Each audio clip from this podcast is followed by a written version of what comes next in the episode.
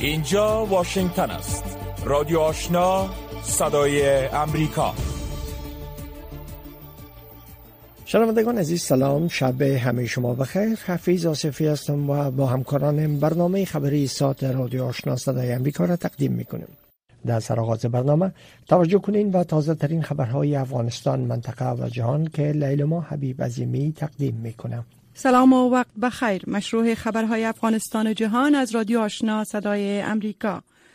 همزمان با روز جهانی اسای سفید یا نابینایان سازمان دیدبان حقوق بشر گفته است که در حال حاضر 4.4 میلیون افراد دارای معلولیت در افغانستان وجود دارد و بسیاری از آنان به شمول نابینایان با تبعیض‌های متعددی روبرواند این سازمان به روز شنبه 15 اکتبر در گزارش گفت که حمایت از افراد دارای معلولیت مانند سایر موارد حقوق بشر در افغانستان تضعیف شده و به گفته این سازمان در حال حاضر نابینایان با تبعیض خدمات محدود و فقدان چارچوب قانونی یا نهاد برای تضمین حقوق اساسی خود مواجهاند. دیدبان حقوق بشر افزوده است که هیچ ماده در قانون اساسی افغانستان که در سال 2004 توشیح شد وجود ندارد که تبعیض ناشی از معلولیت را ممنوع کند. با مسلط شدن طالبان بر افغانستان این گروه تمامی قوانین را که در دو دهه گذشته در این کشور نافذ شده بود به شمول این قانون تعلیق کرده اند در گزارش آمده است که علیرغم وضعیت کنونی در افغانستان مدافعان حقوق بشر به تلاشهایشان در این راستا به نمایندگی از 4.4 میلیون افراد دارای معلولیت در افغانستان ادامه خواهند داد. بر اساس درجه بندی تازه همین اکنون افغانستان یکی از کشورهایی است که مردم آن در وضعیت بسیار بد از نگاه دسترسی به مواد غذایی قرار دارند. جزئیات بیشتر را از حفیظ آصفی میشنوید. خشکسالی، بحران سیاسی و اقتصادی و فقر از دلایلی است که افغانستان را با این وضعیت روبرو ساخته است. با تازگی افغانستان در درجه بندی شاخص جهانی گرسنگی در بین 121 کشور در جایگاه 109 قرار گرفته است. افغانستان در سال 2022 با دلیل خشکسالی، بی‌ثباتی سیاسی و اقتصادی، فقر شدید و افزایش بهای مواد خوراکی و سوخت با پیامدهای بد روبرو شده است. بر بنیاد این گزارش که روز جمعه پخش شد افغانستان یکی از کشورهایی است که مردم آن با بدترین وضعیت غذایی روبرو هستند. بر اساس این گزارش اگرچه افغانستان تنها کشور در منطقه است که بسیاری از مردم آن چیز برای خوردن ندارند اما پیش از افغانستان دوازده کشور دیگر بیشتر آن در افریقا وجود دارند که وضعیت آنان چندین برابر از افغانستان بدتر است. با دنبال صحبت احمد مسعود رهبر جبهه مقاومت ملی افغانستان با حمدالله محب مشاور پیشین امنیت ملی حکومت به رهبری محمد اشرف غنی واکنش های متفاوت را در شبکه های اجتماعی به امراه داشته است. حمدالله محب وقت روز جمعه 14 اکتبر در پیام در توییتر از صحبت با احمد مسعود خبر داد و گفت در این گفتگو دو طرف روی مسائل بازگشت به مردم سالاری نظام جمهوری و حفظ ارزش های ملی و شمول بیرق ملی افغانستان تاکید کردند. آقای محب افزوده که آنان همچنین تاکید نمودند که برای حل مشکل کنونی افغانستان به اجماع سیاسی نیاز است. جبهه مقاومت ملی افغانستان صحبت حمدالله محب و احمد مسعود را تایید کرده اما در این باره جزئیات نداده است. در این حال شمار زیادی از کاربران شبکه های اجتماعی به ویژه هواداران جبهه مقاومت و چهره های نزدیک به احمد مسعود و آقای محب واکنش های تندی نشان دادند وزارت خارجه کانادا با نشر اعلامیه بروز جمعه اطلاع داد که نماینده جدیدی را برای افغانستان موظف کرده است. دیوید اسپرال دیپلمات سابقه‌دار کانادا و سفیر پیشینی این کشور در کابل به حیث نماینده ویژه کانادا برای افغانستان برگزیده شد. دیوید سپرال در سال 2007 و 2008 میلادی زمانی که نیروهای کانادایی در افغانستان حضور داشتند با عنوان سفیر اوتاوا برای کابل نیز ایفای وظیفه کرده بود. پس از سقوط حکومت جمهوری و تسلط مجدد طالبان بر افغانستان کانادا مأموریت دیپلماتیکی خود را در کابل پایان داد. اما های کانادایی در برخی از موارد های با طالبان در بیرون از افغانستان داشتند. خبرهای جهان را از رادیو آشنا صدای امریکا می شنوید. وزارت داخله ترکیه امروز شنبه گفت شمار تلفات ناشی از انفجار در معدن زغال سنگ در شمال این کشور به کم از کم چهل تن افزایش یافته است. هنگام وقوع انفجار اصر جمعه 110 تن معدنچی در جای این معدن مشغول کار بودند. سلیمان سویلو وزیر داخله ترکیه امروز شنبه گفت کشته شدن چهل معدنچی تایید شده 11 تن مجروح و در شفاخانه بستری اند. در حالی که 58 تن دیگر توانستند از معدن خارج شوند. فاتح دونمز. وزیر انرژی ترکیه گفت که تلاش های نجات تقریبا تمام شده است و تلاش ها برای خاموش ساختن آتش ادامه دارد. او پیش از این نیز گفته بود که آتش سوزی در معدن که بیش از ده معدنچی در آن گرفتار شده بودند همچنان ادامه دارد. دونمز با اشاره به گازهای قابل اشتعال در داخل معادن زغال سنگ گفت ارزیابی های اولیه نشان می دهد که انفجار احتمالا ناشی از آتش سوزی از اثر اشتعال این گازها بوده است بر اساس گزارش ها سلیمان سویلو وزیر داخله ترکیه گفته که مجموعاً 58 تن از این معدن واقع در منطقه اماسرا در ولایت بارتین در سواحل بحیره سیاه نجات داده شدهاند.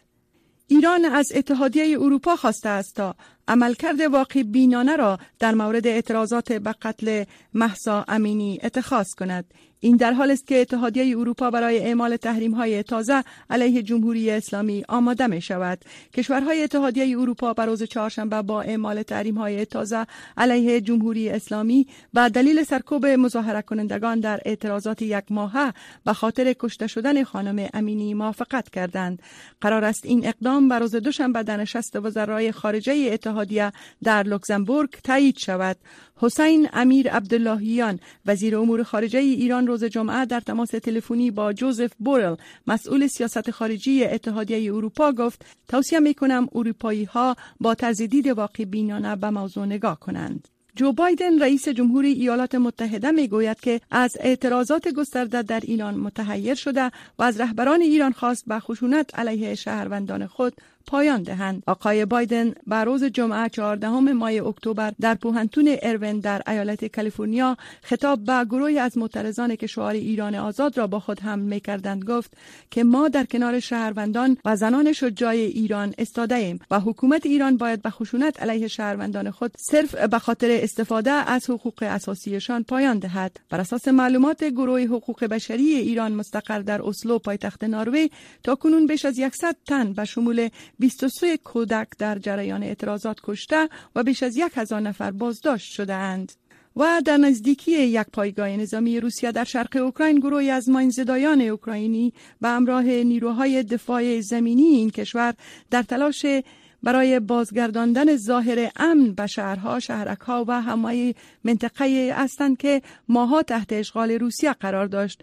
ماینزداها که بخشی از قطعه 113 دفاعی خارکیف و بخشی از نیروهای دفاعی اوکراینند، روز پنجشنبه در امتداد جاده گلالود بین مزارع گلهای آفتاب پرست که گیاهان هرزه آن را فرا گرفته مصروف کار بودند که بقایای جسد یک مرد غیر نظامی را شناسایی کردند که قربانی ماین بوده است که توسط نیروهای روسی در آنجا جاسازی شده بود.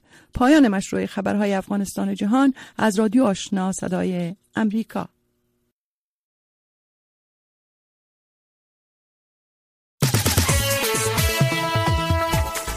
شنوندگان گرامی رادیو آشنا صدای امریکا نشرات رادیو آشنا را در موج متوسط 1296 موج کوتاه 11575 اعشاری صفر و در موج 972 کیلوهرتز شنیده می توانید.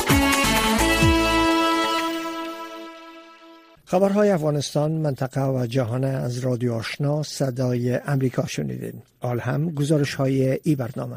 شمار از کارشناسان سیاسی افغان میگن که در مورد گفتگوی حمدالله محیب مشاور امنیت ملی حکومت پیشین افغانستان با احمد مسعود رهبر جبهه مقاومت ملی برای ایجاد اجماعی سیاسی چندان امید ندارند در شبکه های اجتماعی هم این گفتگوها واکنش هایی را به دنبال داشته. جزیات بیشتر در این گزارش مشنوین حمدالله محب مشاور پیشین امنیت ملی افغانستان ناوقت روز جمعه در تیویترش از صحبت با احمد مسعود خبر داده و گفته است که تمرکز اصلی این گفتگو بر دموکراسی و بازگشت به نظام جمهوری بود که در آن ارزش های ملی به شمول بیرق افغانستان محافظت می شود آقای محب افزوده است که در این گفتگوها بر ایجاد اجماع سیاسی برای حل مشکل کنونی افغانستان تاکید شد. رضا قاسمی کارشناس امور بین الملل معتقد است که گفتگوی آقای محب و مسعود و ایجاد ائتلاف سیاسی بین تعداد از های سیاسی ناشی از تغییرات تدریجی مواضع کشورها به ویژه ایالات متحده در قبال اداره کابل است و احتمالا به ابتکار ایالات متحده نیز شکل گرفته است. من حدس می‌زنم که هم اتحادیه اروپا و هم ایالات متحده آمریکا اینا مطمئنا روی یک اجماع سیاسی خارج از کشور و بدور از دسترس طالبا می اندشن که بتانن یک یک نیروی فشار مردمی را در برابر گروه طالبا بسیج بکنم اما آقای قاسمی تاکید می کند که این گام موثر است ولی مسئولیت اجماعی سیاسی باید به چهرههایی که قابل قبول برای مردم افغانستان بودند واگذار می شد اسدالله ظاهری استاد علوم سیاسی گفت که گفتگوها بین شخصیت ها و چهره هایی که تاثیرگذارند می تواند بر پروسه و روند مسائل افغانستان مفید باشد. اما آنچه را آقای محب آن اشاره کرده چون احیای جمهوریت پرچم ملی دموکراسی و سایر ارزش هایی که طی 20 سال گذشته به کمک جامعه جهانی افغانستان به آن دست یافته بود از رهگذر فعالیت ها و چهره های مثل محب محقق نخواهد شد. من فکر می که امثال محب در آینده سیاسی افغانستان و در شکلدهی یا شکلگیری روندهای سیاسی نقش نخواهد داشت. اما خب بر حال علاج مشکل افغانستان و نسخه شفابخش درد و رنج مردم افغانستان گفتگوهای بین الافغانی هست. آقای زایری افزود که بدون شک افغانستان برای گذار از بحران کنونی به یک ساختار نیاز دارد که بر اساس آن نسخه برای مشکلات مردم افغانستان باید تجویز شود. و باور آقای زایری روند دو هم می تواند به عنوان یک مکانیزم برای بحث و مناظره مورد استفاده قرار گیرد و می تواند به عنوان مبنای برای گفتگوهای بین الافغانی مؤثر باشد. حکمت الله حکمت تحلیلگر سیاسی معتقد است که صحبت های محب و مسعود شخصی بوده است و این دو چهره نمی توانند که در آینده سیاسی افغانستان نقش مؤثر داشته باشند. چون محب گذشته سیاسی موفق ندارد و مسعود نیز از نفوذ و سیاست پدرش استفاده می کند اینا نه در مورد آینده افغانستان. راه حل را می‌تونن پیشنهاد کنن و نه هم می‌تونن از جامعه در جامعه افغانستان از پشتیبانی مردم و یا بخش از جامعه برخوردار باشند ولی نشست ها کار خوبی هستند به هر صورت هر نشست در واقعیت یک حرکتی هستند به سوی حلی و بهبودی وضعیت کنونی افغانستان که مردم افغانستان دارن از آن رنج می‌برند این گفتگو میان مشاور پیشین امنیت ملی و احمد مسعود رهبر جبهه مقاومت ملی در حال صورت گرفته است که اواخر روز شنبه شمار زیادی از شخصیت های افغان مقیم کشورهای خارجی در مورد روند صلح در افغانستان و عدالت گفتگو کردند و ایجاد یک ائتلاف سیاسی را اعلام کردند. در این اطلاف سیاسی چهرههایی چون محمد معصوم استانگزی، حنیف اتمر و برخی دیگر شخصیت های سیاسی حضور دارند. اما میرویس آشفته کارشناس سیاسی گفت که این چهره ها به کرات امتحان خود را دادند و در بین مردم دیگر جای ندارند یک تعداد چهره های مشهور و آزمون شده سیاسی مثل حنیف اتمر حمدالله محب امرالله بسم الله نمیفهم معصوم استانگزی و امثال اینها و کسانی که در یک گروه باز جمع شدن که مردم فریب بتن اینها دیگه جای ندارن و مردم اینا را خوب شناخته و پشت این مزدورا دیگه اصلا کسی نخواهد رفت. این در حال است که تانسفیس نماینده ویژه ایالات متحده در امور افغانستان روز سه شنبه همین هفته از افغانهای مقیم داخل و خارج افغانستان خواست تا سازماندهی کنند و با یک صدا خواستهایشان را به طالبان برای آینده روشنتر به فرزندان و خانواده هایشان بازگو کنند. شنوندگان گرامی رادیو آشنا صدای امریکا نشرات رادیو آشنا را در موج متوسط 1296 موج کوتاه 11575 اشاری سفر و در موج 972 کیلوهرتز شنیده می توانید. ترکیه در نشست علمای مسلمان سال روان اعضای گروه طالبان هم دعوت کرده. ای که دعوت طالبان به این نشست چی پیام داره و سایه روابط کشورهای جهان با طالبان. و چی مسیر روان است. سهرزمی مصاحبه با طارق فرهادی تحلیلگر مسائل سیاسی در این مورد انجام داده که با صحبت آقای فرهادی در مورد دلیل دعوت طالبان به این اجلاس آغاز میشه.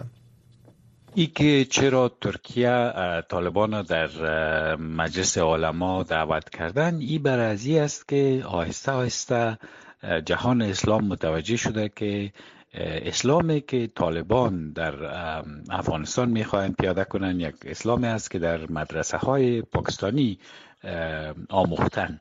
و در حقیقت بعضی چیزهایی که در اون مدرسه ها آموختن خود همون کسایی که برشان درس داده بسیار در باقی جهان اسلام سفر نکردن اسلام در حقیقت یک دین است با یک پهنای بزرگ و که ازدواج کرده با کلتورهای بزرگ. شما مثلا در سنگال برین در غرب افریقا در اونجا مسلمان ها هستن. در موریتانیا برین در ترکیه برین در اندونزیا برین. و همگی جهان اسلام در حقیقت یک اسلام را پیاده می‌کنه در جامعه خود که سر مردم کدام فشار نباشه. و مردم رهنمایی می‌کنن در حالی که طالبان یک جنبه فشار آوردن و با آمدن خود حکومت خود استفاده می‌کنه و زندگی مردم به زور تغییر بتن و به مو زعم اسلامی که اینا در مدرسه های پاکستانی یاد گرفتن. و موضع خودم تغییر نمیتن به خاطر که دیگه چیز زیاد نمی‌شناسن متاسفانه. و ای ما به صورت منفی نمیگم. به این میگم که در حقیقت اونمو چیز خواندن و اینمو چیز آل می‌خواهند که تحمیل کنند در اجتماع. اما جهان اسلام بسیار پهنایش زیادتر است. شما در مصر برین یک ملک اسلامی شما در اندونزیا برین مالیزیا برین بنگلادش برین در خود پاکستان در حقیقت تعلیم و تربیه برای دختر به صورت مساوی به دسترس است. پس کشورهای کنفرانس اسلامی که مقرش در جده در عربستان سعودی است با همدیگر حرف زدن و اتفاقا ما هم با اونها یک ملاقاتی داشتم یک دو ماه پیش در ژنو. و اونا برای ما گفتن که ما خودگه چی کرده می‌تونیم به جز از که ما اینا را دعوت کنیم که با دیگر علمای باقی دنیا از جهان اسلام اینا ملاقات کنند که یک ذره دیدشان به دید دیگر مردم مسلمان تطابق پیدا کنه. در غیر از او کشورهای کنفرانس اسلامی به این نظر هستند که طالبان در حقیقت یک لکه سیاه شدن برای نام اسلام در جهان. این کشورهای هستند که در چل سال گذشته سی سال گذشته بسیار کوشش کردند که یک جلوه دیگری بتنند از, اسلام و از ای که زنان در این کشورها وزیر شدن نخست وزیر شدن در پاکستان در بنگلادش در این جایا در حقیقت طالبا هیچ اید به این حساب اسلام نمی‌بینن. و اینا می‌خواین که طالبان در حقیقت در معرض دیگر کشورهای اسلامی قرار بدن که نظرشان بازتر شود.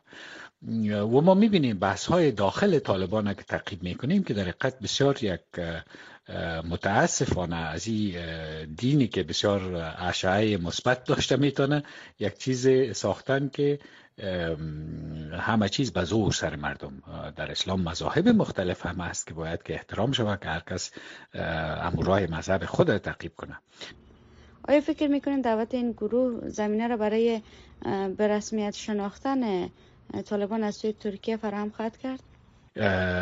در که آیا کشورهای اسلامی طالبان به رسمیت می‌شناسن؟ نه خیر. هیچ امکان نداره تا وقتی که اینا دخترها را مکاتبشان رو باز نکنن. در که آیا روسیه طالبان به رسمیت می‌شناسه؟ اکثر چیزایی که روسیه از افغانستان می‌خواه او رو به دست آورده. اما یک روز شاید برسه که طالبان در منطقه بعضی کشورها به رسمیت بشناسن اما با او هم بعد از که طالبان یک حکومت همه شمول تشکیل بدن گور روسیه چین و ایران و پاکستان در این نشست سیکا هم گفتن. در حقیقت بدون از او طالبان در یک نقطه انجماد رسیدن و کسی نمی‌خواد در میز رسمی اونا را دعوت کنه در خارج از افغانستان. و جز اینمی کشورهای اسلامی که می‌خواهند که امرایشان بحث های بیشتری راجع به اسلام داشته باشند. رادیو آشنا صدای امریکا هفت روز هفته خبر و گزارش ها و تحلیل های خبری روز و اساس گزارش ها با تغییرات اقلیم در جهان گفته میشه که استرالیایی ها بیش از پیش در معرض خطرات طوفان، آتش سوزی ها و سرازیر شدن سیلاب ها قرار دارند. جزیات بیشتر در گزارش میشنوین که فرخنده پیمانی تهیه کردند. اداره تحقیقات خطرات طبیعی استرالیا که با بودجه دولت تامین می شود گفته است که استرالیایی ها بیش از هر زمان دیگری در معرض خطرات و آسیب آفات طبیعی مانند سیل آتش سوزی گرما و طوفان قرار دارند. بر اساس گزارش ها استرالیا 28 فاجعه طبیعی را تجربه کرده است که بیش از 630 میلیون دلار خسارات را در بر داشته است و 16 مورد از آنها از سال 2000 بدین سو رخ داده است. کارشناسان گفتند که تحقیقات برای بهبود آمادگی های استرالیا در برابر آفات طبیعی ضروری می باشد. در مراسم افتتاحیه انجمن تحقیقاتی آفات طبیعی در برسبن از محققان جوان خواسته شده تا یک معمای کلیدی را در آماده سازی مردم برای سیل، آتش سوزی و طوفان حل کنند. اینکه چگونه مقامات مبارزه با آفات طبیعی می توانند توسعه های نجات دهنده حیاتی را به افراد غیر درگیر و در حال حرکت مانند گردشگران بدهند. هدف پیروزی در دسترسی گردشگران بین المللی به اینترنت یا وای فای است. بازدید کنندگان را در مناطق وقوع آفات طبیعی مانند سیل یا آتش سوزی مجبور می کند تا قبل از ورود به هتل ها، رستوران ها یا جاهای دیگر و قبل از دسترسی به اینترنت در داخل آن مکان ها یک ویدیویی را تماشا کنند که در آن طریق زنده ماندن یا نجات از این آفات را نشان می دهد. مارک اونس از اداره آتش نشانی این کشور از بخش حالات استراری ایالات ویکتوریا استرالیا به صدای امریکا گفت که این ویدیوها برای مکانها و فصلهای مختلف تهیه و تراحیل می شود. ما می خواهیم اطمینان حاصل کنیم از اینکه پیامی را که به آنها می دهیم روش آنها را تغییر دهد و همچنان آنها را وادار سازد که این کار را برای آینده بارها مکرر انجام دهند. به همین دلیل است که نوعیت ویدیوها به صورت فصلی تنظیم شده و تغییر می کنند بخشهایی از ایالت ویکتوریا در حال حاضر با یکی از بزرگترین سیلاب های چند دهه اخیر روبرو است عملیات کمک رسانی نجات و تخلیه در امتداد دریای میریبرونگ در شهر ملبورن صورت می گیرد. همچنین هزاران نفر به دلیل جوری شدن سیل در های نیو ساوت ویلز و تزمینیا تحت امر تخلیه قرار دارند. دو پدیده اقلیمی لانینیا و دیپول اقیانوس هند با سیل یکجا شدند هر دو به طور طبیعی رخ می دهند و تحت تاثیر درجه گرمتر هوای اقیانوس می باشند این دو پدیده باعث بارندگی های بالاتر از حد متوسط در بیشتر شهرهای استرالیا می گردند و کارشناسان دلیل آن را تغییرات اقلیمی می دانند. شهر سیدنی مرتوب ترین سال خود را در تاریخ خود تجربه می کند. اکنون بیشتر از دو متر باران در بزرگترین شهر استرالیا باریده است که ریکارد قبلی آن در سال 1950 ثبت شده را شکسته است.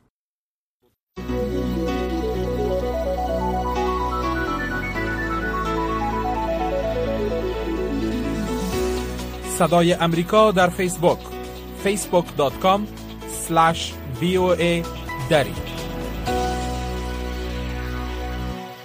انتظار میره که کنگرس حزب کمونیست چین سومین دوره پنج ساله زمامداری را هم در ماه جاری به شی جین پینگ منشی عمومی حزب کمونیست چین واگذار کنه.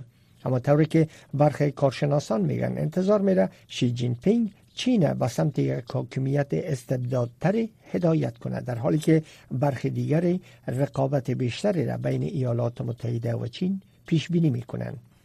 نایک چین از صدای امریکا گزارش این رابطه داره که برگردان او را از عبدالواجد عادل میشنویم حدود 2300 نماینده حزبی برای چند روز در بیجینگ گرده هم میآیند تا کمیته مرکزی حزب حاکم کمونیست چین و سپس دفتر سیاسی این حزب را انتخاب کنند. انتظار می رود که نمایندگان شی جی پینگ را برای سومین دوره بی سابقه برای رهبری دومین اقتصاد بزرگ جهان و یکی از بزرگترین نیروهای نظامی تایید کنند. رابرت دالی از مرکز ویلسن می گوید The overall purpose of these congresses is to set هدف کلی این کنگرس ها تعیین لحن و جهتگیری سیاست برای پنج سال آینده است. امسال سال خاص است زیرا تمرکز بر روی یک مرد خواهد بود شی جین پینگ که پیش از این و مدت ده سال منشی عمومی حزب کمونیست چین بوده است و قرار است برای سومین دوره پنج ساله تعیین شود. چیزی که اساسا می تواند او را به عنوان رهبر مادام العمر چین تعیین کند. بیستمین کانگرس حزب چین چند روز پس از آن برگزار می شود که قصر سفید استراتژی امنیت ملی خود را منتشر کرد که در آن چین را رقیب سرسخت ایالات متحده معرفی می کند. یک سالوان مشاور امنیت ملی قصر سفید می گوید The PRC represents America's جمهوری خلق چین از یک چالش ژئوپلیتیکی همراه با عواقب برای امریکا نمایندگی می کند. رقابت با جمهوری خلق چین در اقیانوس آرام هند بارستر است اما به طور فزاینده جهانی است. اما قصر سفید می گوید واشنگتن به دنبال درگیری نیست. یک سالبان مشاور امنیت ملی قصر سفید می افزاید ما قصد داریم تا جایی که در رقابت با جمهوری خلق چین قرار داریم این موضوع را مربوط به مردم چین نسازیم بلکه این را در مورد دولت و سیاست ها و استراتژی هایی که دولت جمهوری خلق چین دنبال می کند بیان کنیم مقامای سابق وزارت امور خارجه در چین یک حکومت مستبدتری را پیش بینی می کنند. مایلز یو از مؤسسه هاتسون می گوید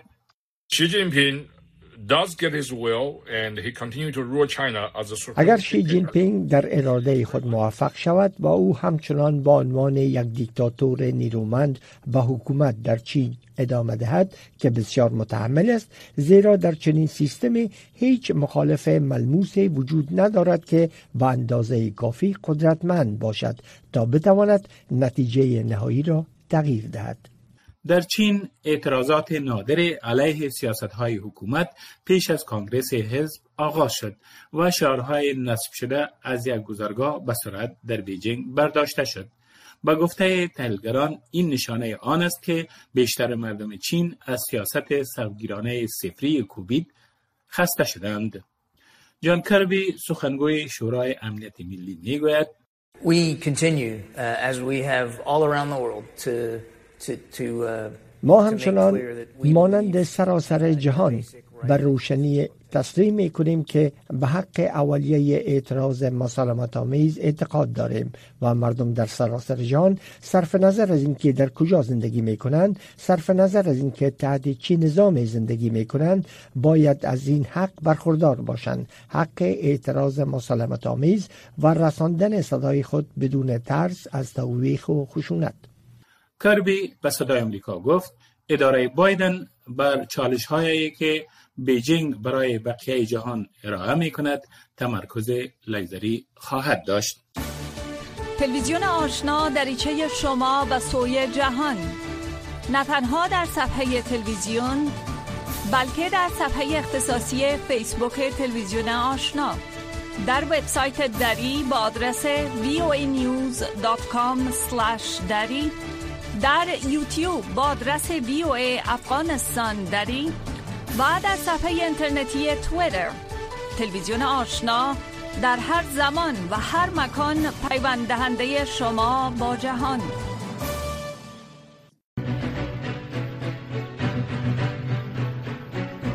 شنوندگان عزیز ای بود داشته های برنامه خبری که در همین جا به پایان رسید.